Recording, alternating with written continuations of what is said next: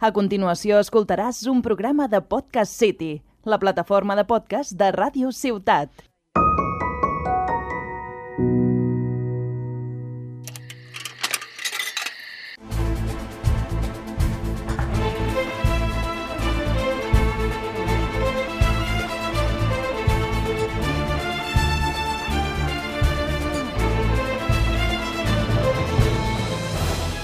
Molt bon dia, molt bona tarda, molt bona nit. Després d'aquestes tres setmanes que he estat sense fer podcast, tornem. Tornem amb un capítol especial, com ja podeu intuir per la sintonia que sona, que no és el nostre clàssic Night Call que comença aquest podcast. Eh, avui, com no podia ser d'una altra manera, amb l'estrena de No Way Home, anem a parlar de Spider-Man. Anem a fer una, bueno, una versió una mica rara. Hi ha un disclaimer aquí de que aquest programa potser derivarà moltíssim al castellà, perquè jo venia ja amb aquesta idea anaven a haver dos convidats que només saben parlar en castellà, al final només és un, i un altre amb el que mm, parlo a vegades en català, a vegades en castellà i potser me'n vaig al castellà també, pues, mm, ja aviso que jo defenso la llengua sempre, però hi ha dies que no, que no te sale.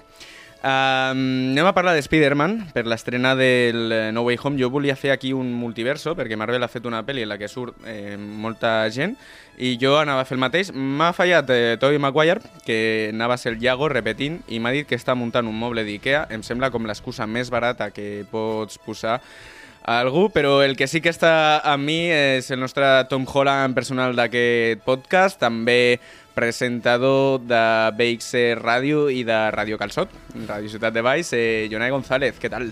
Molt bona tarda, doncs mira, eh, que t'hagin canviat per un moble d'Ikea Mm, diu molt del moble d'Ikea, eh? O sigui, ha de ser un bon moble, també t'ho dic. Bueno, eh, l'excusa era com més elaborada, era com que ho havia de muntar allà perquè si deixava les queixes por ahí eh, la seva Sí. companya de pis li mataria i tal i no sé què. Bueno, lo típic, també t'ho dic. Bueno, tu, eh, a tu t'he portat, ja m'ha dit, eh, jo aquest matí m'he ficat una samarreta de Marvel sense saber que venia aquest podcast, o sigui que estem davant d'una eminència del que és el MCU, eh, Universo Cinematográfico de Marvel. Mm. T'agrada molt, podríem Sí, dir. a més porto la de, la de Wakanda, la de Black Panther, en honor a Chadwick Boseman, mira. un- Què passarà, què passarà amb, amb, Bueno, ja ho parlarem, amb Black no? Panther també. 2, no? Ja. Això és un, això Sí, és un sí, tema. Ara surten perquè- antivacunes una, una altra que... Entre la Letitia Wright i, Sí. i el Chadwick que està mort, eh, qui serà el següent? No se sap. Però bueno, ja ho parlarem, això, en, En un su, altre... en su, això és su un altre momento. podcast. I tenim a l'altre costat del multiverso, a través d'una connexió de StreamYard, um, un tio que és de Huesca i és el més semblant a una minoria ètnica que he trobat. Eh, llavors, per això és el nostre Miles Morales personal. A més de ser dissenyador gràfic i un autèntic terrorista, a Twitter tenim a Raúl Barón, acá La Roca, acá Natillas. ¿Qué tal? Eh, buena tarde y muchas gracias por invitarme y, y derivar esto un poco al castellano porque si no se me va a hacer Buena, un poco buena tarde. Has, has tenido como una intención ahí de decir algo Sí, en catalán, ¿no? Buena por- tarde y visca por- Cataluña. Exacto, exacto, sí, sí, exacto. Eh, y eso, y pues vamos a hablar un poco de, de dibujitos y De de... dibujitos. ¿no? De dibujitos. hablemos, hablemos un poco de Spider-Man. Eh, S'ha de dir una cosa, Mm. eh? El... Ja pot espavilar una mica amb el català perquè està estudiant a Vic. Que, Sí, ja, que, sí, també, no. que també em mandau s'han estat estudiant, però bueno. No, sí, sí, lo llevo bastante bien de momento. Se, se le va notando el cambio, la verdad, así que guay. En eso bien. Lo primer és a, a escoltar-lo bé, això. És Sí, exacto. Això ja, Sí, Jo quan ja vaig és arribar és el que, el que més costava era escoltar-lo, aprendre, entendre'l, vaja, i després ja... Mm. A Eh, estem aquí tres castellanoparlants parlant en català. Després Sí. que no, que no diguin històries, això del 25% i no sé què. Sí. Ra Raúl, eh, eres nuestro 25% de este podcast. Hmm, Tres, tres señores blancos hablando de feminismo, por ejemplo. ¿no? Sí, lo, lo mismo, tres castellanos. Bueno, esto, esto también, podríamos tener una Gwen Stacy o una MJ en este podcast, Sí. pero no es el caso. Somos tres hombres cis heterosexuales hablando de Spider-Man. Esto es el chiringuito, pero... pero El chiringuito de Spider-Man. Correcto. Um, bueno, la meva idea era una mica fer un repàs de, de, bueno, de tota l'aventura cinematogràfica que ha tingut aquest personatge que ja porta molts anys de cua. Llavors, si us sembla, jo crec que el més intel·ligent seria anar parlant de totes les pel·lis, anar comparant uh, què és el que s'ha fet bé, què és el que s'ha fet mal. Jo crec que hi ha molta gent que li té molta estima a les de Raimi, les de Garfield són les més odiades, les de Tom Holland pues, estan ahí, però com Marvel ho peta tant, i ara aquesta sembla que està agradant moltíssim. Llavors, anem a fer un repàs així eh, molt global. Primer, les pel·lis de Raimi. M'imagino que tots vam tenir la mateixa sensació i vam veure aquestes pel·lis quan érem petits. Uh, no sé si teniu aquest record d'anar al cinema o de tenir-les a casa en DVD, perquè jo les tenia, Spider-Man 2 crec que la pel·li que més cops he vist perquè la tenia a casa en DVD. No sé com, com ho va viure la vostra infància, Jonai, tu, tu primer. Jo crec que potser les, les tenim tanta estima perquè són precisament les primeres no? que, que hem vist. A mi em sona, em, em sona molt la primera i la segona de Spider-Man de, de Raimi i em van agradar molt. I la tercera sí que no em sona tant. Crec que la vaig veure pues, perquè tocava veure-la, per, per acabar la trilogia, però no em sona tant, ara no me'n recorda, i... però sí que és cert que la primera i la segona les tinc molta estima per, bueno, per tot el que el, tot el que suposava, no? Jo en aquell moment tampoc era un super fanàtic de, de Marvel, de fet- m'he aficionat quan ja començava, o feia anys, no? que, que estava a l'univers cinematogràfic, però amb, amb aquelles pel·lis sí que, sí que recordo de veure-les i jo crec que qualsevol persona, tot i que no sigui superfanàtica de, de superherois, recorda aquella trilogia de, de Mm. Spider-Man i jo crec que això és el que marca una mica, no? que siguin les preferides, per així dir-ho, Jo- perquè són les primeres. A mi em passa uh, això que, que tu dius amb la tercera, que és veritat que jo l'he borrat molt, o sigui, ara fa poc me les vaig tornar a veure totes i tal, però jo l'havia borrat moltíssim, la tercera, no me'n recordava. Però una cosa que sí que en recordava era com que va ser la primera peli que tenia ganes d'anar a veure al cine. És, tinc com un record allà de que es, es, es parlava d'aquesta pel·li, hi havia anuncis i era com que si sortirà no i tal. Aquesta especulació que era super normal amb els trailers, que, que, oh, que sortirà no sé qui o que hi haurà... Jo crec que Spider-Man 3 va ser la primera que vaig tenir aquestes sensacions. No, no sé tú, Raúl, qué recuerdo tienes de, de la trilogía original y cómo ha sido tu convivencia con, con ella a lo largo del tiempo.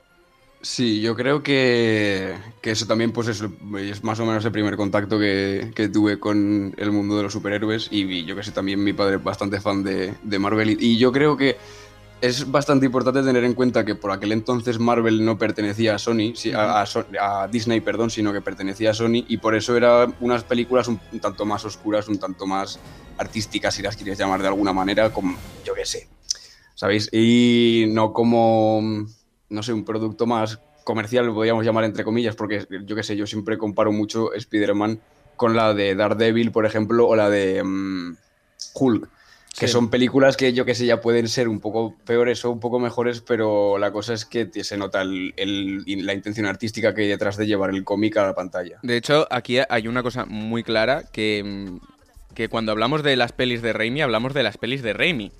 Luego hablamos de las pelis de Andrew Garfield y hablamos de las pelis de Tom Holland, porque son directores por encargo y porque son este tipo de películas Mm. ya prefabricadas que pueden ser mejores o peores, pero no tienen como esa marca de autoría que yo me di cuenta. O sea, ahora al verlas otra vez dije, hostia, es que aquí Raimi mete mucha mano. O sea, hay, hay escenas. Raimi es un tío que viene de la serie B y, bueno, de Bill Dead y este tipo Sí, de, Exacto. de, de productos y de repente, coño, la escena de Spider-Man 2 con el Doctor Octopus que se pone en primer plano los ganchos y tal. Hay como muchas cosas muy de autor y yo creo que eso, eso es algo que se ha perdido. ¿no? Te interrumpí un poco porque es que es el dato de... mm, de No, eso, no, son las, la, la trilogía de Raimi, no la de Tobey Maguire.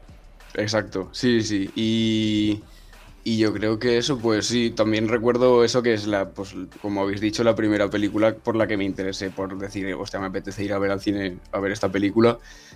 Por eso, y sobre todo, pf, sí, lo que. Lo de que ahora, no sé, yo por ejemplo intento no ver nada en Twitter de la película. Yo todavía no he visto la película que va a salir. sa- sale mañana, tengo entendido. Sí. Yo no he visto nada, prefiero no ver nada, porque yo qué sé, si la voy a ir a ver al cine de verdad, que todavía no lo sé, espero que sí, eh, si voy y pago por la entrada, quiero sorprenderme con lo que estoy viendo, como cuando hice con Spider-Man 3, que ya fue un poco más chusta esa película comparada con las otras dos primeras, pero yo qué sé, esa sensación de querer ir al cine a sorprenderte, ¿sabes? Eso es- y eso es por aquel un- entonces, pues... És, és Eso, un problema, perquè- sí, jo... Sí, sí, sí, jo, jo, tinc un, jo tinc un company de, de pis que, que fa el mateix amb totes les pel·lis de Marvel, no veu cap tràiler i tal, però a mi em, és que em sembla impossible. O sigui, jo hi ha pel·lis que sí que són menys conegudes i tal. Hòstia, aquesta pel·li et sorprendrà molt, no miris res i ves a veure-la. Però és que amb les pel·lis de Marvel és que està tonta, tan ocupat, tio. Si estàs mirant Twitter una mica, veus, i si no ho veus en el tràiler, perquè evites el tràiler, veus un meme, veus un... Jo crec que és impossible. Tant de bo, eh, pogués fer-ho, perquè aquesta és una pel·li que em sorprendria moltíssim, però m'agrada. I després veig anàlisis del tràiler digo, "Pf, igual me És lo veo. jo diria fins i tot que la culpa no és de, de Marvel en si, dels trailers que fa i tot, sinó que la culpa és de, de la gent que especula, no? Perquè al final, les sèries que ha començat a fer ara Marvel per Disney+, Plus, hòstia, eh, hi havia una d'especulació en què sortiria tal personatge o tal altre, i al final et crees un hype que potser no passa. Ja. És com, com, com la pel·lícula de, que sortirà demà, no? Eh, potser no surt ningú dels que han dit i ja... Jo he escoltat que sortiran fins i tot personatges que... Bueno, No, no digues res, que yo no sé. No diré res. Pero sí. Pero sí, ¿no? Aquí esta es- especulación es- que es un hacemos. poco putada. Yo creo que eso no, no- no se vivía con, con las pelis de Raimi y tal. Ahora voy a hacer un poco el, el momento con, con el que ha abierto el podcast Raúl, que eh, dice, porque voy a desgranar un poco, porque me vio la trilogía original hace poco y se le tiene muy querida, como hemos dicho, o sea, todo el mundo es una peli que le tiene muy, muy buen recuerdo, pero hay cosas, hay cosas. Eh, y a mí me gusta, igual que eh, intentaba como ver cosas buenas en, en las de Sony, en las de Garfield, he intentado ver qué había aquí. Y voy a hacer un poco lo que decía Raúl, que es tres hombres blancos hablando de feminismo. Em, el personaje de Mary Jane en, en la trilogía original me parece súper insulso. O sea, es Mm. la damisela en apuros. Y voy un poco más allá, porque la escena más mítica de la primera peli de Spider-Man, que es ese beso boca abajo, no sé si os acordáis, eh, o habéis visto hace poco, cómo empieza esa escena. Porque Que están. in- sí. están intentando violar a Mary Jane. Exacto, sí, sí. Y Spider-Man salva a Mary Jane de una violación y sin conocerlo de nada le planta un beso. O sea, uff, yo la estaba viendo A un tío- a diciendo, un tío enmascarado, wow, a un sí, sí, a un enmascarado tío en un callejón". enmascarado en un callejón. O sea, era un poco sordido todo, ¿no? Y es que lo que cuenta es el corazón. Eso Sí, lo demostró, sí, sí, gracias. sí. No sé, Raúl, si, si tienes presente como ese discurso que hay, quizá en la 3 cambie un poquito y empezamos a ver un poco, creo que ahí reculó un poquito Sam Raimi y Sí. están como las preocupaciones de Mary Jane, de estar con, con Spider-Man y tal, pero las dos primeras es un... Dos Pero tetas, es que son dos tetas. si, si lo piensas en la tercera, Mary Jane lo que pasa es que el, el interés romántico de Spider-Man se divide en dos y ya está. Sí. ¿Sabes? O sea, en vez de. O sea, lógicamente es el discurso este de dejo a Spider-Man, o sea, dejo a Peter Parker para irme con el Duende Verde, no sé qué. Sí, a ¿no? Harry. Pero Sí. es- Spider-Man sigue con la movida de la otra chavala de no sé qué, Sí. en parte, ¿no? O sea. Bueno, hay un poco. O- o me yo lo decía porque hay como un discurso un poco de que, bueno, ella como está en el mundillo de intentar ser actriz y no le sale muy bien, o sea, vemos un poco más de, de- de sus problemas y luego vemos como que se siente presionada eh, porque su novio es Spider-Man y su novio, pues, tiene mucha fama, le va todo bien y él tiene un ego muy grande. Ahí yo creo que es, es nada, unas pinceladas de echarle un poquito de sal al personaje, que era un personaje Sí. completamente vacío en las dos primeras pelis. Sí, no, sí, sí, estoy de acuerdo realmente. O sea, sí, pues sí, ahí. Sobre todo, pues es la dualidad esta, ¿no? Con Harry y tal, que, que hacen. que se, se besan en, en la cocina de. No sé si es la cocina de Mary Jane o de Sí, Harry. de Harry, creo. sí. Cuando quedan para hacer una tortilla o no sé qué hostias, porque Harry se ha dado una hostia en, el- en la cabeza. Y, y es que, es no que la tercera sí. tiene cosas muy raras. Sí, sí, o sea, es que hay que decirlo, porque. Y, y es que la tercera, yo por lo que tengo entendido, eh, fue más por encargo de Sony que una cosa que Sam Raimi quiso hacer, porque la- para la tercera me parece que eh, tenía pensado hacer esto de los cinco siniestros, me parece que es, que es Sí, los como- seis, los seis siniestros. Los seis siniestros, perdón, sí. Y tenía pensado hacer eso, no lo dejaron y tuvieron que meter lo de Venom un poco, lo- el hombre de... Nunca, o sea, por lo que tengo entendido, Sam Raimi nunca se había leído un cómic que saliese Venom. Así que es un poco jodido hacer una película entera en base a un, a un personaje que no, no conoces Claro, de, prácticamente. de- de hecho, Venom, eh, el, el Venom que sale un poco en la 3, eh, Sí, es Spider-Man un poco- negro. O Sí. sea, no, no, no es que Sí. tenga los poderes de Se ha Venom. pu- porque se ha puesto un tira- poco de tinte, tira ¿no? telarañas Sí. negras, o sea, es Mm. como que no se entiende muy bien el personaje. No sé, que, Bueno, tu, tu dius que no recordas res de la 3? Es que sí, o sea, re- recuerdo ahora Venom, sí que, sí que lo recuerdo un poco, pero así Eddie como alejado, ¿sabes? Y sí que es cierto que Venom, al final en los cómics, pues cuando, cuando se mete en el cuerpo de otra persona, ¿no? Eh, adopta al final todos los poderes y todo, bueno, esto es como en los cómics lo de- todo el tema de los zombies, ¿no? Que al final también adquieren los poderes que tienen esos personajes. Pero sí que es cierto que es un Venom un poco, un poco Mary Jane, ¿no? Está porque Sí, tiene que estar, porque porque, tiene que que, haber un villano, pues metemos a Venom. Yo creo que sí que desperdiciaron ahí un poco al, al villano, ¿no? En, en ese aspecto. Sí Claro, que y- está muy chula, pero yo parece que como que lo desaprovechan un poco. Porque Sí, Venom... yo, y, yo creo que aquí la, la trama interesante que yo apostaría que es la que quería hacer Raimi es la que tiene Harry con el nuevo Duende Verde. O sea, como trilogía, ahí está bien cerrado, ¿no? Eh, porque Mm. además se, se iba a plantear, eh, incluso en, en- al final de la segunda se plantea eso, como que... mm, como que tiene el espíritu ese de, de su padre, del William Dafoe en el espejo y tal. Y, y yo creo que ese era el villano interesante, porque eh, yo creo que las pelis de Raimi, y esto me di cuenta, son pelis de personajes, que eso es lo que no consiguen las otras. Tú le coges muchísimo cariño a Peter Parker, le coges mucho cariño a...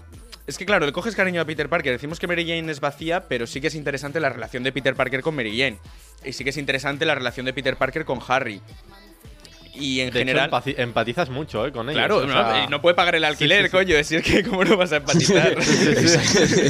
Claro, claro, eso es verdad, ¿eh? Eso también. Claro, y yo creo que el cierre de esa trama de personajes que había era con Harry como nuevo duende verde y tal, pero luego empiezan a meter el, el hombre de arena, que me parece muy forzado lo que en verdad este era el asesino de tu padre. Meten a Venom, que mm, ni con calzador, aunque el rollo este del... ah, El rollo este del Spider-Man negro no está mal y nos ha dado el, el bailecito este... Sí, Exacto, claro. contemporáneo. Exacto, exacto. Pero el rollo de Venom está muy con calzador. Y yo creo que ese es el problema de la peli, que, que como decía Raúl, pues se va a un rollo más de estudio, cuando la gracia de las pelis es que tenían esa autoría que, que no han conseguido las demás.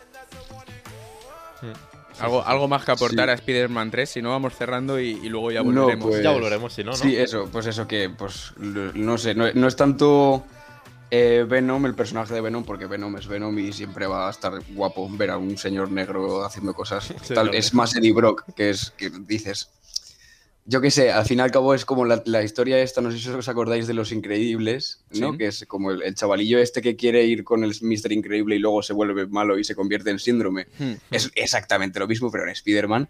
En plan, es como un nuevo fotógrafo que llega al Daily Bugle, le, le gusta Spider-Man, Spider-Man está en ese momento de éxtasis de decir, soy puto Spider-Man, no te acerques a mí, he pringao, y acaba siendo pues un villano. Y dices, también es un poco comparable con esto que habéis dicho de del hombre de arena, que es como, ¿ves a este señor? Es el que mató a tu, a tu viejo. Claro, Ya es está, como- haz, haz algo al respecto. Es Vale, como tronco, no sé.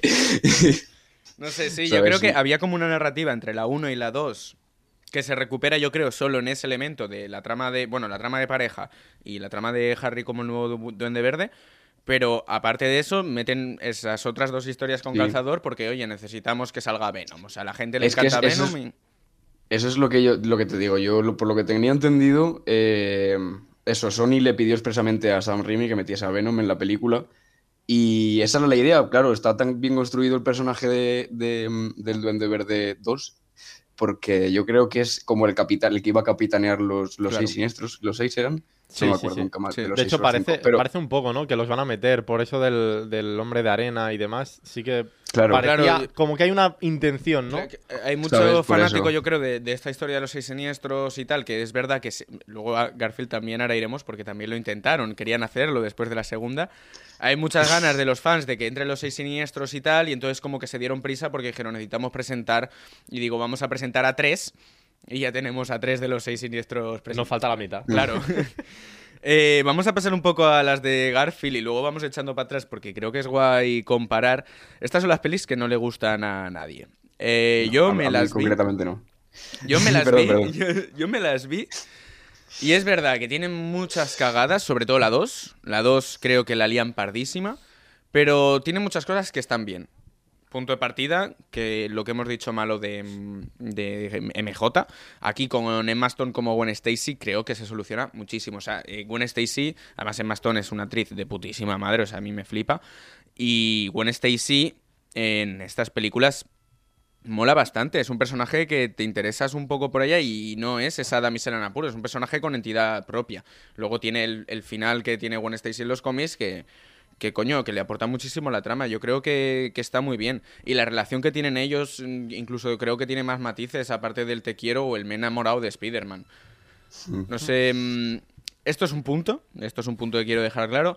Luego, uno de los más criticados eh, creo que fue el rollo de cómo representaron aquí a Peter Parker, porque creo que nos acostumbramos a ese Tobey Maguire súper pringado y tal, y de repente aquí veíamos a un tío que hacía skate.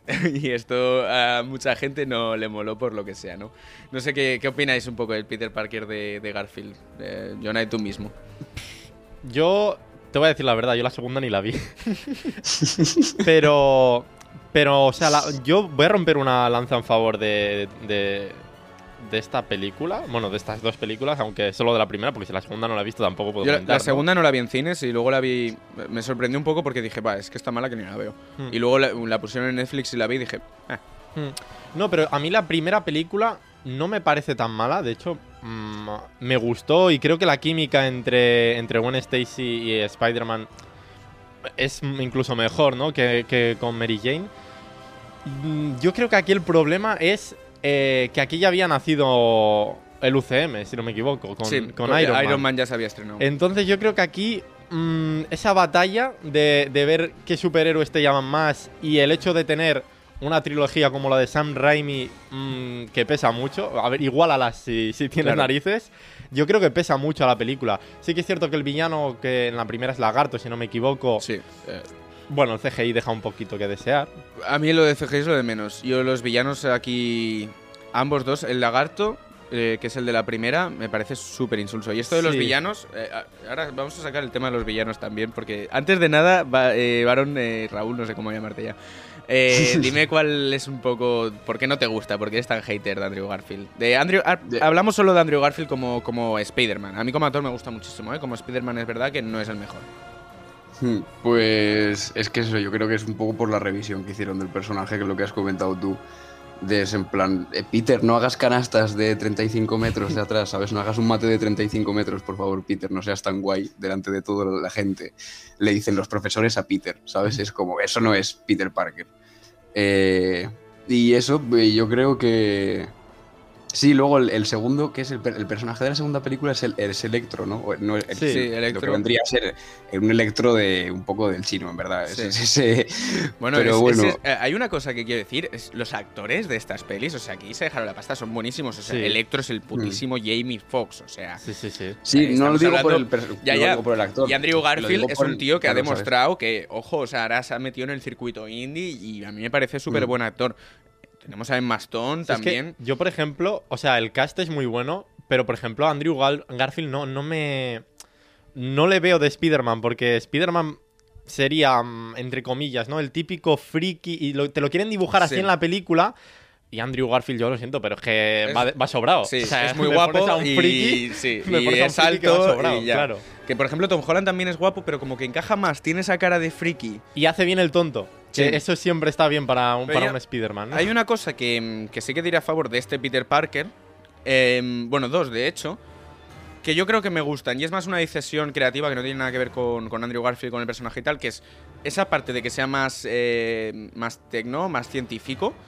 Creo que mola que Spider-Man sea un poco así. Porque en la 1 no se veía esa faceta. Y luego, Hmm. Aquí es la primera vez, porque no lo habíamos visto del todo con Sam Raimi, que Spider-Man hace chistes, y es pesado, chistes malos. Y es un punto que a lo mejor hay mucha gente que no le mola, pero yo creo que es algo bastante característico del personaje, que sea como ese pesado, ese tío estorbo, que te hace gracia por lo tonto que es, no porque sea, eh, esté haciendo cosas graciosas, sino porque dices, vaya pringao y tal. De hecho, en los cómics es un pesado absoluto. O sea, eh, no sé si habéis visto Deadpool, pero Spider-Man Sí. es un Deadpool 2, por así decirlo. O sea, siempre está tocando las narices a los Vengadores, siempre en los cómics es así. O sea que mm, en ese sentido sí que mejoraron. Yo creo que eso sí que es un poco, han ido mejorando, ¿no? No claro, es un yo, tío yo creo tan que es, serio. es una buena apuesta que no funcionaba bien con Garfield. Hmm. Que luego con Tom Holland funciona súper bien. Em, quiero hablar también de los villanos, porque aquí eh, tú has mencionado ya el lagarto. Tiene un CGI pocho, sí, es lo de menos. Creo que aquí vemos una gran diferencia con los villanos. Y creo que los villanos de, de Sam Raimi eh, eran increíbles. O sea, en la primera tenemos a Willem Dafoe como el Duende Verde, en la segunda mm, Molina, pero no me acuerdo del nombre, Alfred Molina. Alfred Molina como Octopus es súper icónico y aquí mm, tenemos a El Lagarto. No sé, Varón, eh, ¿cómo lo ves tú? Porque yo creo que aquí es donde realmente se nota una gran diferencia. Es que no puedes, no sé. sea, o sea, Jamie Foxx o lo que sea, es que tienes que hacerle un personaje pero perfecto para ponerlo al lado de en pantalla de, de- o compararlo con, con William Dafoe y pretender hacer algo contra ese señor, en mi opinión, porque ese tío se come la pantalla, da igual lo que esté haciendo. Claro. y O sea, yo más creo que yo también, soy- como soy muy fan de ese señor también, eso no sé si juega a favor o en contra mía, pero el Duende Verde y también eso, porque como es, no sé, como siempre lo que habéis comentado antes, por, por, por efecto de nostalgia, la primera es brutal y es que lo hace brutal. eh, y, pero claro, no todo es del actor, lógicamente. Alfred Molina también, pues brutal, sí, sí. Claro, y, y yo creo, es, es, es más, o sea, sí, y- los actores es lo que tú dices, es Jamie Foxx, o sea, yo, yo también soy súper fan de Willem Dafoe, pero Jamie Foxx es un tío súper guay. Yo creo que más allá de los actores, hay algo en lo que es la construcción del, del villano. Igual que decíamos que MJ era un objetivo romántico, yo creo que los villanos de Garfield se ven más como un objetivo a destruir. Sí que es verdad que la trama del lagarto, bueno, mm, quiere recuperar su brazo. Y, Sí, y voy a matar a todo el mundo. y para- voy a, voy a convertir a todo el mundo en lagarto, porque quiero recuperar mi brazo. Sí, yo creo que estaban muchísimo mejor planteados los de Raimi en ese sentido, porque eran eso, eran personajes que, eh, bueno, pues acababan convirtiéndose en villanos y... Y en William Dafoe te lo crees mucho por cómo está constru- construido el personaje. Un súper. El Norman Osborn, un súper capitalista loco que de repente pierde la pasta y tal y dice: Pues os vais a cagar. Además con el suero este chungo. Mm. Y el otro es un poco, pues, un científico loco. Que son así bastante. Son estereotipos bastante típicos, pero te los crees. Hay algo en lo que está construido que te los crees. Sí, también el nivel ¿no? de, los, de los villanos, si comparamos Doctor Octopus, el Duende Verde y Venom con el Lagarto, Ya. pues eh, está jugando en segunda división. Sí, Electro es uno de los top, eso sí, ¿eh? es, mm, Pero por, por lo que sea, es que es lo que decimos, yo aquí también creo que el hecho de, de salir en, en la época que salió juega mucho en tu contra, ¿eh?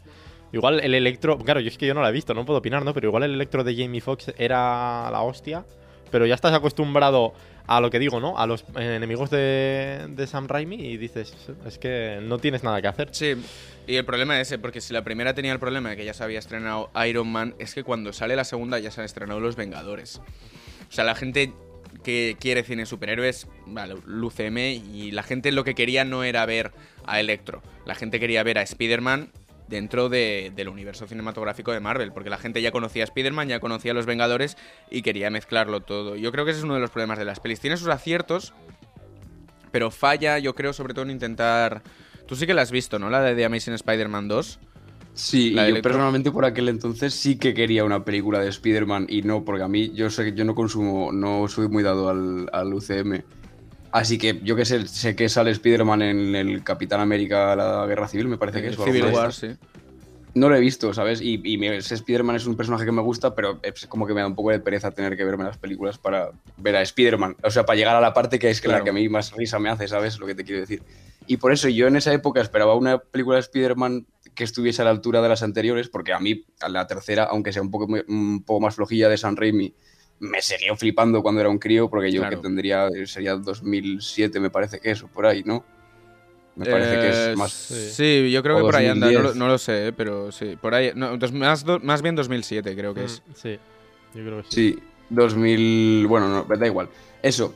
Eres un crío y, y te mola, y te mola eso. Y luego, pues eso, tienes que. Es como. Estas películas tienen que superar un poco la.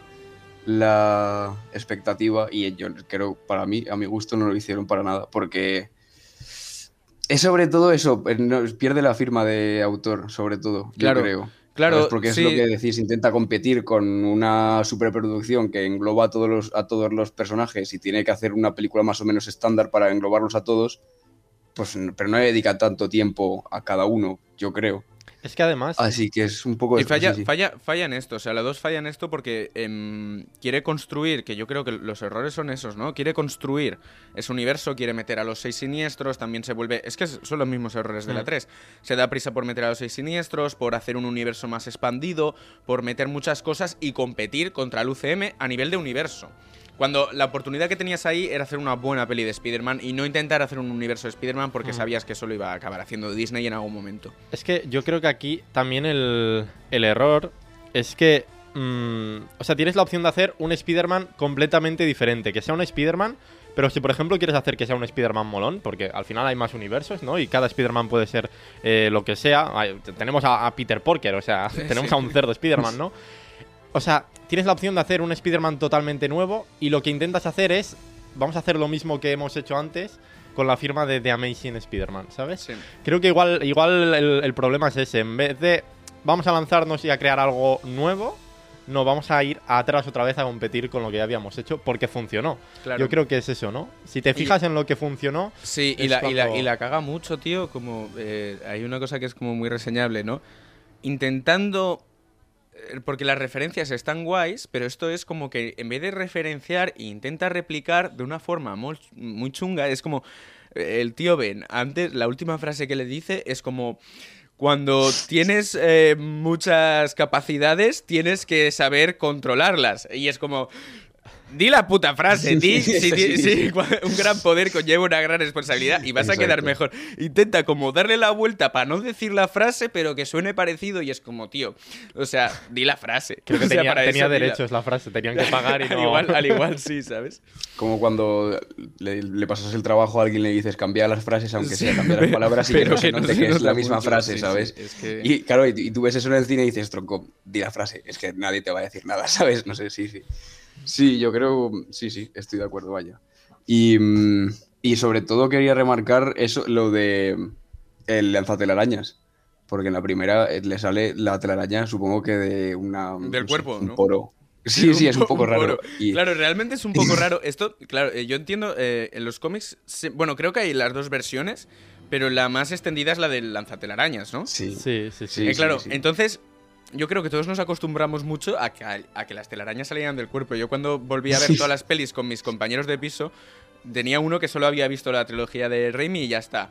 Y claro, cuando empezaban a ver lo del lanzatelarañas decían, vaya pringao, ¿sabes? O sea, que puedo ser yo Spider-Man realmente. que- O sea, realmente tiene mucho más sentido porque pff, no tiene mucho sentido lo de que salgan del cuerpo. Pero, No, pero al fin y al cabo, como es mundo superhéroes y, y son Sí. esas cosas de licencia artística y a lo que estábamos acostumbrados, era algo que habíamos aceptado. A Spider-Man le sale las telarañas del cuerpo. Sí, bueno, tampoco. Yo creo que eso tampoco es una cosa, ¿no? Que a, a mí, por ejemplo, me, me afectara, pero. Sí, puede ser uno de los detalles, ¿eh? Ahí, en plan. ¿Cómo te sale del cuerpo? Ah, Ah, pregúntalo, pregúntalo, a ver qué sí, te parece. era muy- y, y- y la- me- siempre me acuerdo de pequeño la escena de los pelitos, era como muy Ah, explícito. eso me daba un poco de grima, ¿eh? De pequeño, era- daba mucha grimeta eso. eh. Eh, vamos a ir avanzando y vamos a hablar un Hmm. poquito de Tom Holland, que lo hemos estado haciendo también. Eh, la entrada de Spider-Man en el universo cinematográfico, como hemos dicho antes, bueno, ha dicho antes Raúl, es con Civil War, pero vamos a hablar de Homecoming, que es la primera peli de, de Spider-Man dentro de este universo.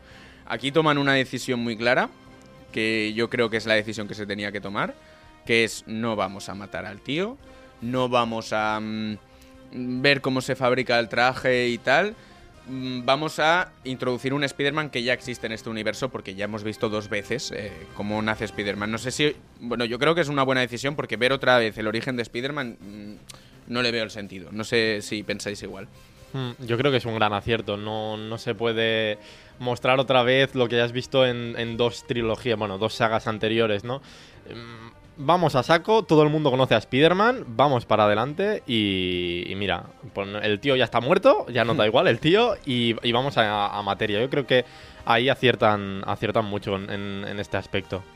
Yo, eh, Raúl, es curioso porque, claro, tú has dicho que no estás metido en un universo cinematográfico de Marvel, pero has visto las pelis de, de Holland porque te gusta el personaje.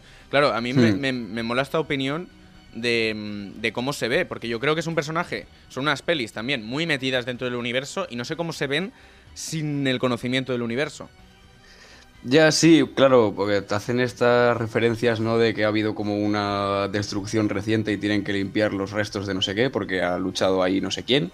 Sí. Para mí es como, vale, pues es una especie de contexto, me sirve, te lo compro, vamos para adelante con ello y vamos a disfrutar de la película. Y yo creo eso también, lo que habéis comentado, Sí, está bastante acertado el hecho de. Porque es muy probable que si intenten hacer algo de cómo surge Spider-Man, igual la cagan otra vez. ¿Sabes Claro. lo que te quiero decir? Es en plan. es- eso bastante acertado de decir, no vamos a jugárnosla y, y se da por entendido que todo el mundo sabe quién es Spider-Man, porque si estás viendo esta película, pues porque te interesa. Y eso, yo qué sé, pues sale. Eh, es que a- mi, mi, maduración, en verdad, con, con, con Marvel empezó un poco con Iron Man y tal, ¿sabes? En plan, yo me puse esa película de crío y era. Es que me parece que ni la atrevería, sinceramente, porque era como. Movidas en el desierto, no sé qué, hay un tío que es millonario, tal, y digo, no me interesa, vamos a No, claro, otra es cosa. es un, es un universo que entras o no. O sea, yo hay gente. A, a mí me Claro. gusta muchísimo Marvel y tal. Y yo hay gente que me dice, hostia, me debería ver las pelis de Marvel. Y yo, "Pff, no.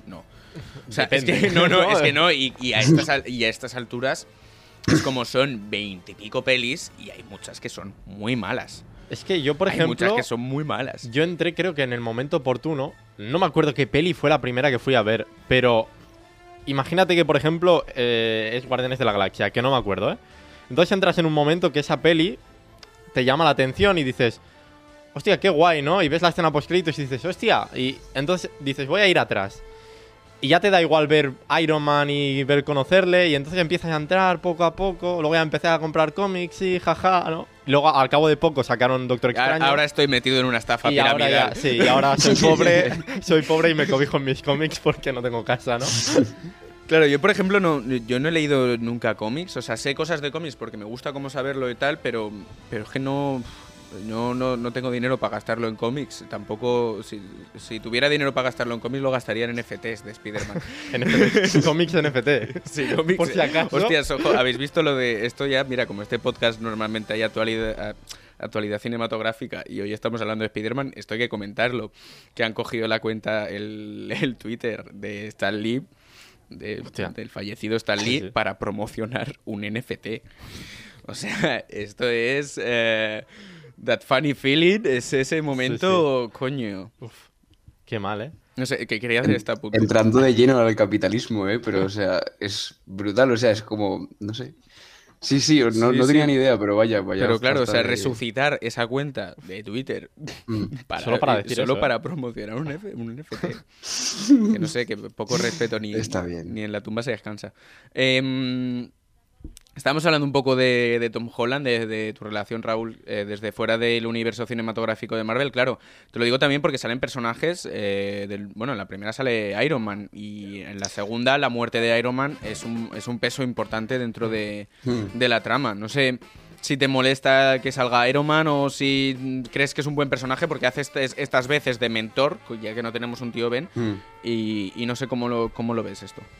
Claro, es lo que tú dices, o sea, en la estructura de, de escribir un personaje que es un héroe, pues siempre tiene que haber un mentor, eso está claro. Eh, pues sí, me parece, me parece bien, o sea, no es, no es un personaje que a mí me moleste, o simplemente pues no me... Nunca me ha llamado la atención porque lo considero un tío que sabe hacerse un traje y sabe hacer, usarlo y ya está, no, no es como un superhéroe, quiero decir, ¿sabes? Al uso. Y, y no sé, sí, pues la narrativa yo sé que me pierdo muchas cosas, eh, muy- mucho mm, sobre todo, pero yo creo que la segunda ya, o sea, claro, yo no he visto, bueno, perdón, o sea, no estoy terminando ninguna frase. Tranqui, tranqui. llegar. Es, eh, yo fui a ver eh, Endgame al cine. porque Sin haber visto colegas. nada más. De- pasé, o sea, me sudó todo, todo el carajo, sinceramente. Adelante. Fui. Sí, sí, y dije, vamos a ello. Y estuve, no sé cuánto dura esa película, dura bastante. Por, Joder, tres horas. Sí, sí, tres horas. sí. Tres horas y. yo no tenía. Tres horas y. No- Tres, sí, sí, tres yo no horas y sin idea. enterarte de nada. Tú imagínate el valor que tiene Exacto. eso. No, pero bueno, de vez en cuando iba saliendo y me iba a pillar una cerveza. la- Había como una barra fuera del cine y me iba a echar una cerveza y Ah, tal y volvía. entonces entendía más. Exacto. Sí, y- pero a ver, me parecía una película buena. O sea, a mí. O sea, Pues la buena, buen la buena es la otra, ¿eh? Es la de Infinity War. es- a ver, yo considero que es un buen producto en el sentido de que está bien producido. ¿Sabes? Eh, pero claro, pues eso, no me enteré de mucho, lógicamente. Me pareció guay, tal, no sé qué. Pero no, Claro. claro, no, no voy a llorar con la muerte de este señor. Claro. Si no sé quién, si no lo he seguido desde que tenía nueve años, ¿sabes lo que te quiero decir? Claro, es Me que Endgame, igual. Endgame también es un poco el cierre, ¿no? De todo. Claro, además, sí, los 10 y yo creo que. Infinity War es una muy buena película, incluso fuera del universo cinematográfico, y Endgame es una peli para los fans. Endgame o sea, es- me parece buena película, pero es eso. Yo creo que se valora más dentro del universo, ¿no? Claro, En plan, Es como, e- e- era necesario ese broche, ¿no? Era necesario cerrar todas esas tramas que se van construyendo, no sabes De qué, hecho, que se van relacionando. es lo que dices un poco, ¿no? Yo creo que Infinity War es mejor película, pero Endgame para los aficionados es mucho más buena por todo lo que significa, ¿sabes? El, el hecho de la muerte de Iron Man, ¿no? To- to- todas las cosas al final es como...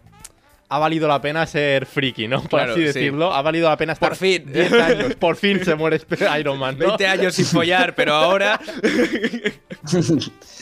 Eso, eh, es- pero esto venía un poco a eso que yo, pues lógicamente, como no me, sé- me vi tan afectado por la muerte de Iron Man, por lo que sea, eh, luego ese elemento que lo, que lo llegué a considerar un poco lacrimógeno en la película de decir, eh, sí, he visto la otra y recuerdo que ha muerto Iron Man, recuerdo que es alguien importante para este y tienes que, yo qué sé, mostrarlo de alguna manera. Pero bueno, o sea, ahora recapitulando, en verdad tampoco es que abuse mucho de ese recurso. eh, Lo menciona. No, pero, yo sé, pero por un poco de- funciona bien, porque claro, como decíamos, o sea, yo creo que eso está muy bien pensado, la cronología en la que salen las películas y cómo se forma, porque claro, no tenemos al mentor, no tenemos esa muerte de tío Ben, que es un momento súper importante para el personaje, y aquí no lo vivimos, pero tenemos la muerte de Tony Stark, y sí que es verdad que vemos un poco cómo afecta la madurez del personaje y tal, cómo se plantea lo que es, Spider-Man, que es una trama que siempre, se está, eh, siempre ha estado, ¿no? La necesidad de un Spider-Man, sí, la necesidad de que sea un Spider-Man, de ser un héroe, que es la gracia de las pelis. Y yo creo que la 2 funciona muy bien.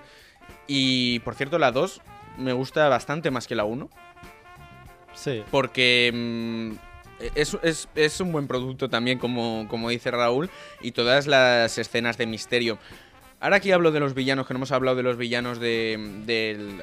Pero los villanos en general del universo cinematográfico de Marvel flojean, pero flojean porque entran, pum, los matan, no, no hay un desarrollo más allá, pero a veces hay villanos que están bien llevados y Misterio creo que está bien hecho por eh, esa, esa traducción que hacen de, de Misterio al rollo de las pantallas y al rollo del engaño y tal. Pero ¿qué pasa? Que se lo vuelven a cargar, tío. Y para mí, ¿O no? o no, ya, es Ah, el o no, pero oficialmente está muerto. Sí. Bueno, yo oficialmente no lo he visto muerto. Aquí hay una cosa muy graciosa que hubo una serie de Marvel que el tío que murió hizo un gesto con la cabeza, entonces ya sabes que está muerto. Claro. Porque ha hecho, ah, entonces ya está muerto. Pero Misterio no- sí que es cierto que me gusta mucho. Igual también porque el giro, ¿no? Que da la película. Aunque desde un principio yo creo que ya piensas, ¿no? Pues es el, es el malo, entiendo. Pero el giro que da y lo que dices, ¿no? El hecho de que use la tecnología también para adaptar al misterio de, de- de los cómics. Incluso me atrevería a decir que igual, con respeto a Alfred Molina y de, y de Willem Dafoe, que para mí son los mejores villanos, ¿no? Pero Misterio perfectamente podría estar top 3 de, Sí. de villanos de Spider-Man. A ver, además, Gyllenhaal a mí es un actor que también me gusta muchísimo. Mm. Y sobre todo creo que están muy logradas en esa película. Todas las escenas que tienen que ver con la paranoia de misterio. O sea, ahí es, ahí es cuando ves algo guapo y ves algo que, que- que permite la tecnología de ahora, que no lo permitían las de Garfield. No lo las de Raimi están muy bien, pero dices, vale, eso de ese superproducto que te vende Marvel lo ves en esas escenas de misterio, pero, pero bien hecho. Porque no es lo mismo que te pongan un- una escena con muchísimo CGI y que no diga nada, o estas escenas que aprovechan el CGI muchísimo y, y coño, y molan bastante. Em, vamos, no sé, bastante mal de tiempo, aunque no sé cuándo hemos empezado, pero tampoco quiero que se alargue muchísimo esto. Vamos a... es- 42, venga, pues una hora de podcast sabía que íbamos a hacer, o sea que me parece bien. Vamos bien de tiempo. Eh, vamos a hablar de, de un nuevo universo, vamos a hablar de, de esta peli de animación que hizo Sony Pictures, que yo, sinceramente, y siempre he dicho que Spider-Man 2, por el efecto nostálgico, era mi peli favorita de Spider-Man y esta estaba muy cerca, y me volví a ver Spider-Man 2 y creo que si soy objetivo, la mejor peli de Spider-Man que he visto es esta. Es Spider-Man un nuevo universo. Y aquí me, me podéis decir lo que queráis, pero es, es mi favorita. Raúl, eh, ¿cuál es tu relación con esta peli? Estoy, yo creo que estoy bastante de acuerdo contigo y me pasa exactamente lo mismo porque yo consideraba que sí, entre la segunda y la tercera, mis favoritas de Sam Raimi, o sea, de Sam Raimi, de, de Spider-Man, quiero decir. Eh, pero sí, es que esta película está hecha con mucho cariño y está hecha muy bien y está, es que es fantástica, no sé. Porque no sé, tiene como ese componente que es para todo el mundo, ¿sabes? Una, la película de Sam Raimi, lógicamente, es para todo el mundo, pero con esos tintes oscuros de, joder, ha muerto el tío de este señor, ¿sabes lo que te quiero decir? No, no estamos aquí de, de charana, ¿sabes? Pero esto, yo qué sé, todo, y sobre todo el estilo de, de animación, el estil- este estilo de mezclar los cómics con, con la película, que es lo que intentaba hacer Marvel antes, que nos, pues mencionando otra vez a la película de Hulk y Daredevil y tal, hacían como transiciones de como pues, Sí. los cómics, ¿no? De, que queda un poco que dices, vale, lo has intentado, pero no te ha salido Claro, muy bien. yo creo ¿Por que qué? eso, Porque si no es en animación, claro. Exacto, ¿sabes? Que en animación puedes hacer cualquier virguería. Y sobre todo Kingpin, el, el, el, el, el- joder, el, Sí, el, el villano. el villano, perdón. Y es que no sé, a mí siempre me ha molado Kingpin, la verdad, de cuando salía en Daredevil, que lo hacía, era Kingpin negro, que no, no- ¿sabes? Ya por aquel entonces ya... sí, ya me este acuerdo, pero no me acuerdo del nombre del actor. Yo. Ya, sí, no, sí, ahora sé quién es, mismo sí, no. sí, sí. Yo, Sí. mira, em, es que estoy bastante de acuerdo y, y más allá de eso, o sea, el estilo de animación se ha hablado muchísimo, para mí es, es espectacular y ha sentado las bases de lo que después hemos visto. Ahora sacaron otra peli, Los Mitchells contra las máquinas, que está muy bien, la segunda pinta súper guay. Hemos visto Klaus, que es de un estudio español que también usa eso. Y lo que tú dices, yo por ejemplo, el sentido arácnido no creo que esté tan bien explicado en ninguna peli como en esta. Es que juega la carta de la animación, es verdad que juega esa carta de que nunca se podrá adaptar lo que un cómic transmite a, a la pantalla real, por mucho que uses CGI, mu- mucho que uses virguerías, con ese estilo tan propio que tiene la animación. Pero luego lo que dices, Kingpin, aquí la, la historia de Kingpin, del por qué quiere crear el multiverso, se ve, se explica y funciona súper bien. Es una peli que tiene muchísimos personajes y todos tienen su espacio a desarrollarse. Eh, porque creo que ese Peter Parker mayor funciona súper bien. eh, Gwen Stacy es un pepinazo. Spider-Gwen o como queramos decir. Y luego están esos más mm, divertidos que, claro, no tienen tanto desarrollo, pero es que la técnica de animación que hay ahí ya te rompe. Y yo creo que la propia histori- historia de Miles Morales en esta película habla muchísimo de Spider-Man. No tienes el mentor, no tienes esos elementos que tenías, pero... Bueno, funciona de mentor el Peter Parker más mayor, pero... Coño, habla de lo que significa ser Spider-Man. Y eh, yo creo que eso es, una, eso es una cosa que me gusta muchísimo de la peli, que, que coja Miles Morales, que es un personaje nuevo, y te dice por qué Miles Morales es Spider-Man. Es que hay muchas cosas que funcionan en esta peli porque la animación es un cómic animado, o sea, es que es increíble. Literal. Para los fanáticos y para los que han visto cómics también es un sueño hecho realidad. Luego, eh, hay mucha gente que cuando ve una película animada dice, "Pff, una película animada, esto es para niños. Pero es que incluso mi padre lo ha visto y ha flipado con la película. O sea, Claro. es que eh, conecta muy bien. Eh, lo que dices, hay un montón de personajes y aún así conectas con... Sabes lo que ha pasado con todos sin aburrirte, que eso es muy difícil muchas veces, ¿no? Antes comentábamos la película de Eternals, ¿no? Te presenta un montón de personajes y por eso quizás hay tanta mala crítica, porque... pff, Preséntame a nueve personajes y, y que me digas Y que- y cómo que ha me- llegado que- aquí cada uno. Y que me interesen. Claro, y, y que no sea muy aburrido toda la explicación, porque si igual pasa una hora de película y todavía me estás explicando los personajes, pff, ya la película me da igual, por muy bueno que sea al final. La primera hora me ha aburrido. Aunque Claro. la gente también somos así. Entonces yo creo que todo lo relacionado con esta película lo hace muy bien y concuerdo. Yo creo que es la mejor película de Sony, no solo de Spider-Man. Bueno, más allá de Spider-Man, Sony en Marvel ha fracasado un poquillo porque Cuatro Fantásticos Es verdad. eh, no me acordaba, poco no me- me acordaba de esa peli. Imagínate. Sí, sí. Pero, pero sí, yo creo que es mm, la mejor fórmula que ha encontrado Sony para explotar eh, Spider-Man. Y yo creo que, de hecho, fuera de las películas y en todo el tema económico y demás, fue un punto de inflexión de Sony de decir, ¿y si no vendemos a Spider-Man a Marvel? Porque igual nos lo quedamos y funciona bien, ¿sabes? Yo creo que ahí incluso hubo ese momento en que Sony dijo, hostia, nos ha funcionado, vamos a seguir. Claro, y esto. mm, no sé si lo sabéis, claro. eh, mm, Sony sigue teniendo los derechos de, de Spider-Man. eh, tiene este acuerdo con Disney en el que creo que firmaron por cinco pelis, o sea. No, por más, porque ya ha salido en cinco. Y creo que tienen firmadas dos más. Ahora hay eh, firmada, Tom- crea Tom una Holland. trilogía nueva de Tom Holland. Diría que es trilogía, no estoy Trilogía seguro. nueva. Diría que es trilogía. Sé que va a salir con Venom y tal, hay planes para el futuro de Tom Holland y tal. Porque, ¿qué pasa? No se llevan ni un puto duro Disney de estas películas de Spider-Man, pero se llevan todo el merchant. Sí. Absolutamente todos los juguetes navideños. Oscar quiere dar un apunte. Yo, yo quiero decir solo una cosita. Recordemos, antes de que saliera la primera de Spider-Man de- del universo de Marvel, eh, Disney dijo a Sony, ¿me vendes, la, ¿me vendes a Spider-Man? Y Sony dijo, no. Y Disney dijo, ¿cuánto por Sony? Intentó Es verdad. Disney comprar Sony solo- para solo poder hacer las películas. Eso es cierto. No, no, es que... mm, Bueno, es que es el personaje que más dinero ha dado a, a- a Marvel, entre comillas. O sea, hay que recordar también toda la etapa de Marvel, ¿no? Marvel vende todos los derechos de los personajes porque se va a la bancarrota. ¿Y qué vende? Spider-Man, que es uno de los que más triunfa, vende a Hulk, que es uno de los que más triunfa. Los Cuatro es- Fantásticos, los. X-Men, o sea... Correcto, vende todo lo que, lo que ha triunfado. Y entonces es por eso por lo que empieza, ¿no? Con Iron Man. Bueno, un personaje que en los cómics estaba olvidado. Bueno, pues vamos a empezar con esto, a ver si funciona. Y al final, pues encuentran la tecla, ¿no? Y llegan hasta aquí. Y, y ya lo hemos visto. Ha funcionado porque X-Men está de vuelta, los Cuatro Fantásticos están de vuelta, Hulk está de vuelta. Y faltaría todo el universo de Spider-Man, que es eso, está ahí a medio camino. Incluso, bueno, se dice que va a haber aparte de la trilogía que ya está firmada, que debería haber otra, un poco explicando el Spider-Man del cole, el de después, y luego ya en edad adulta, o eso es lo que se rumorea, Claro. que vete a saber. Bueno, yo no, no sé, o sea, los planes del futuro son ambiciosos con Spider-Man y claro, yo creo que con el acuerdo que tienen ahora mismo mm, de funcionar con el merchant, le saldría rentable, aunque no recuperen los derechos del personaje, si, si conservan el acuerdo. Porque claro, que aquí cada mm, 20 trajes nuevos en cada película, son 20 juguetes nuevos y aquí es donde realmente hace dinero, en taquillas hace dinero, pero no tanto como aquí.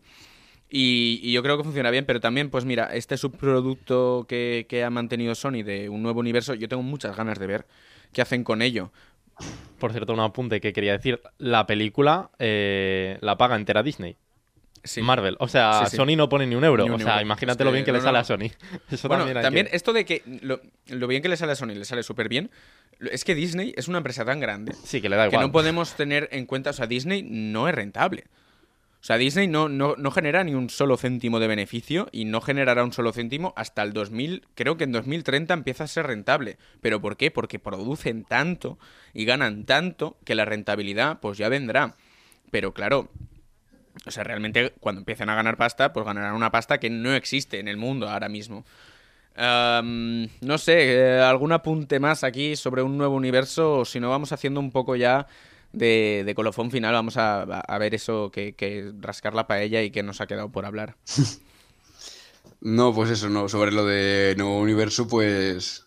Pues eso, no sabía. es- He entendido por lo que habéis dicho que están en- trabajando en una segunda. Sí, es que salió hace nada, no sé si lo habéis visto, pero salió Ah. hace nada el, el tráiler en Twitter y tal. Ah, pues no, no, no, no. Pues es que es que eso. No estoy intentando mirar mucho Twitter por, por lo mismo, para no comerme algún spoiler y tal.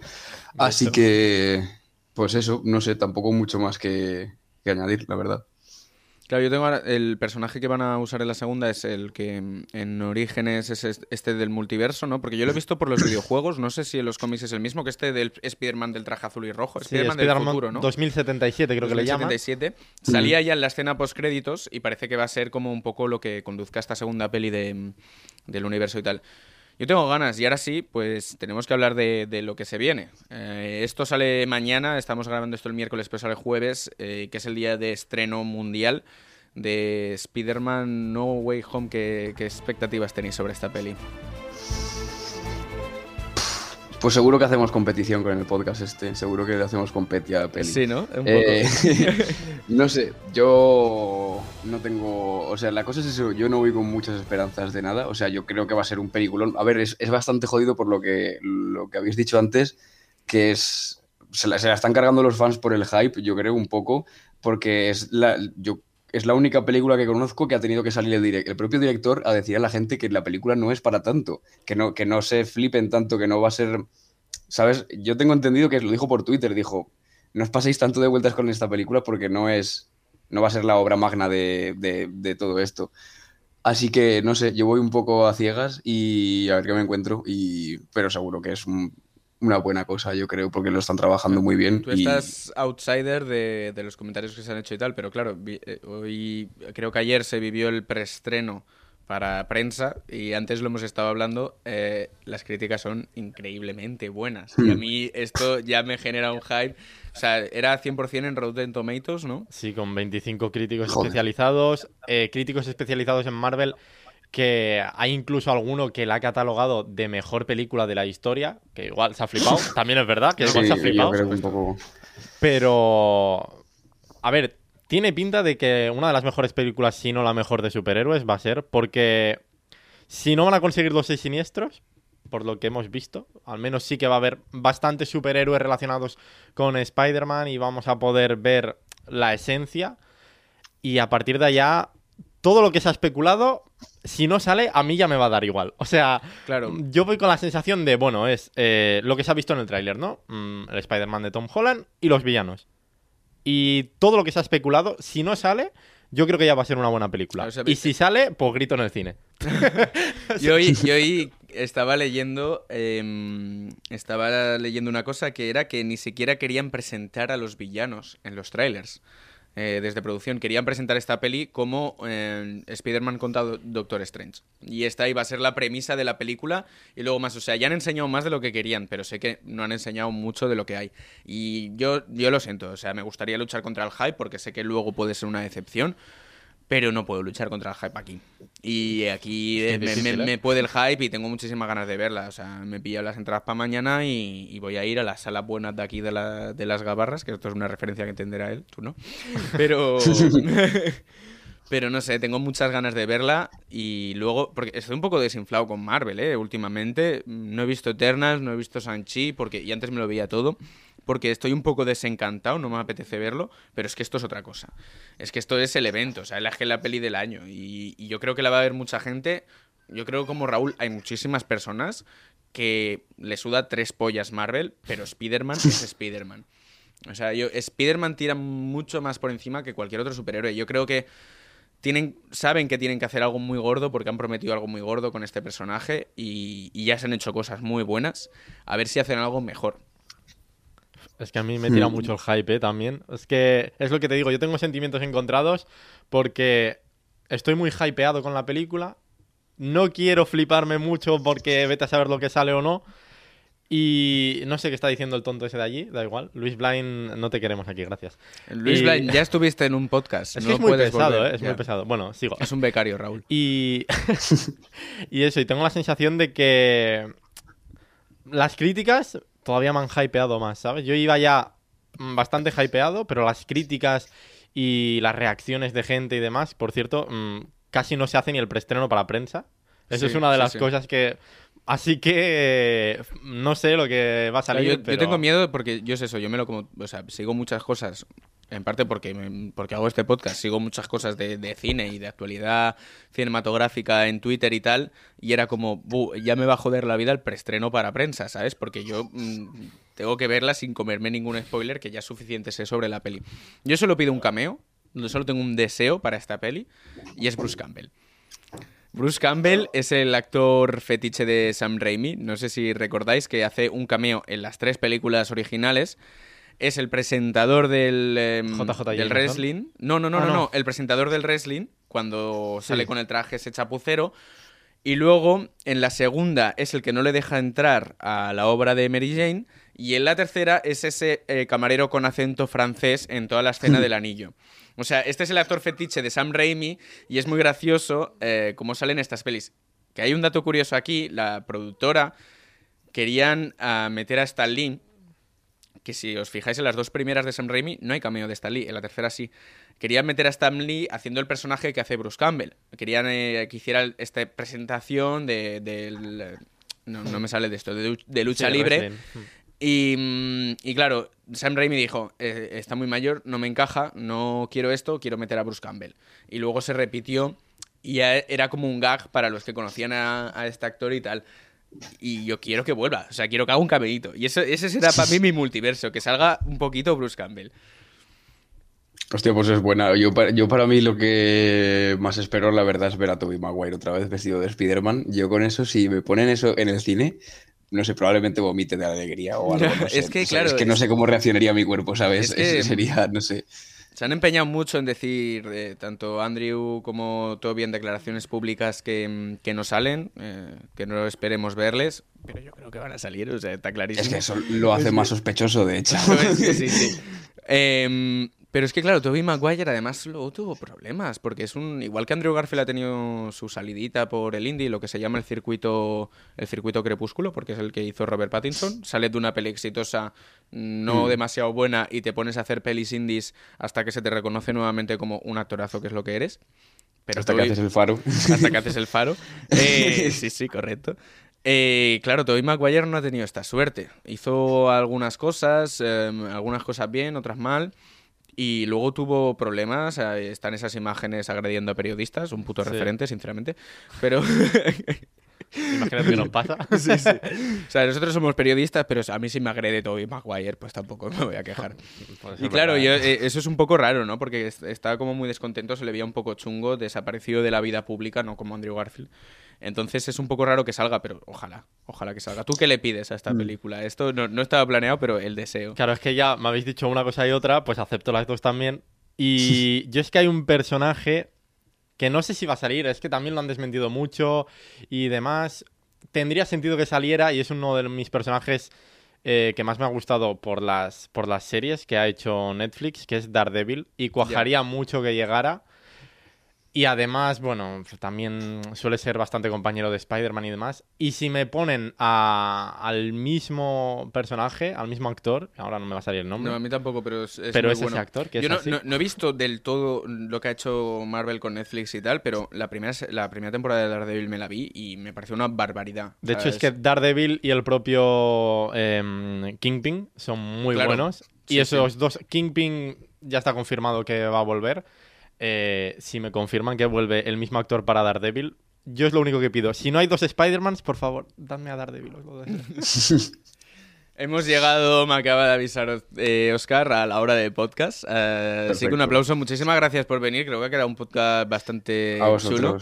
Eh, A vosotros. Varón, eh, gracias por conectarte desde el, el- iba a decir la comarca, bueno, la comarca del Fuet, vamos a decir. Sí, y de la longaniza, Jonai, ¿no? gracias por quedarte un ratito más después de tu jornada laboral, que no es corta precisamente. No me la pagan, ¿no? Ah, bueno, ya lo hablas con Oscar, si eso. Y yo me quiero ir, no me pongas esta música, porque me quiero ir con una canción. Hemos hablado de muchas cosas, no hemos hablado de la música, ya han estado sonando diferentes sintonías de las películas de Spider-Man. Y me quiero ir con, para mí, otra, otro, otro podio que hacen es el soundtrack de un nuevo universo. Eh, vámonos con un poco de Post Malone. Y así hay buen rollito en este podcast. Y hacemos Eh, el baile de... Gracias y si algún día tengo otra cosa que me interesa hablar con vosotros volveréis porque yo creo que ha estado bastante guapo. A la resta ja heu vist que m'he anat al castellà com havia anunciat, però m'he sentit més còmode en el rotllo que estàvem fent, però ja m'acomiado de vosaltres. La setmana que ve segurament tornaré perquè, clar, vaig acumulant notícies i avui he fet l'especial i no tinc un, eh, un podcast de notícies a l'ús. Llavors ens continuem veient i espero poder fer altres especials i portar convidats com he fet fins ara. Gràcies per seguir-me, xampany i crispetes. Needless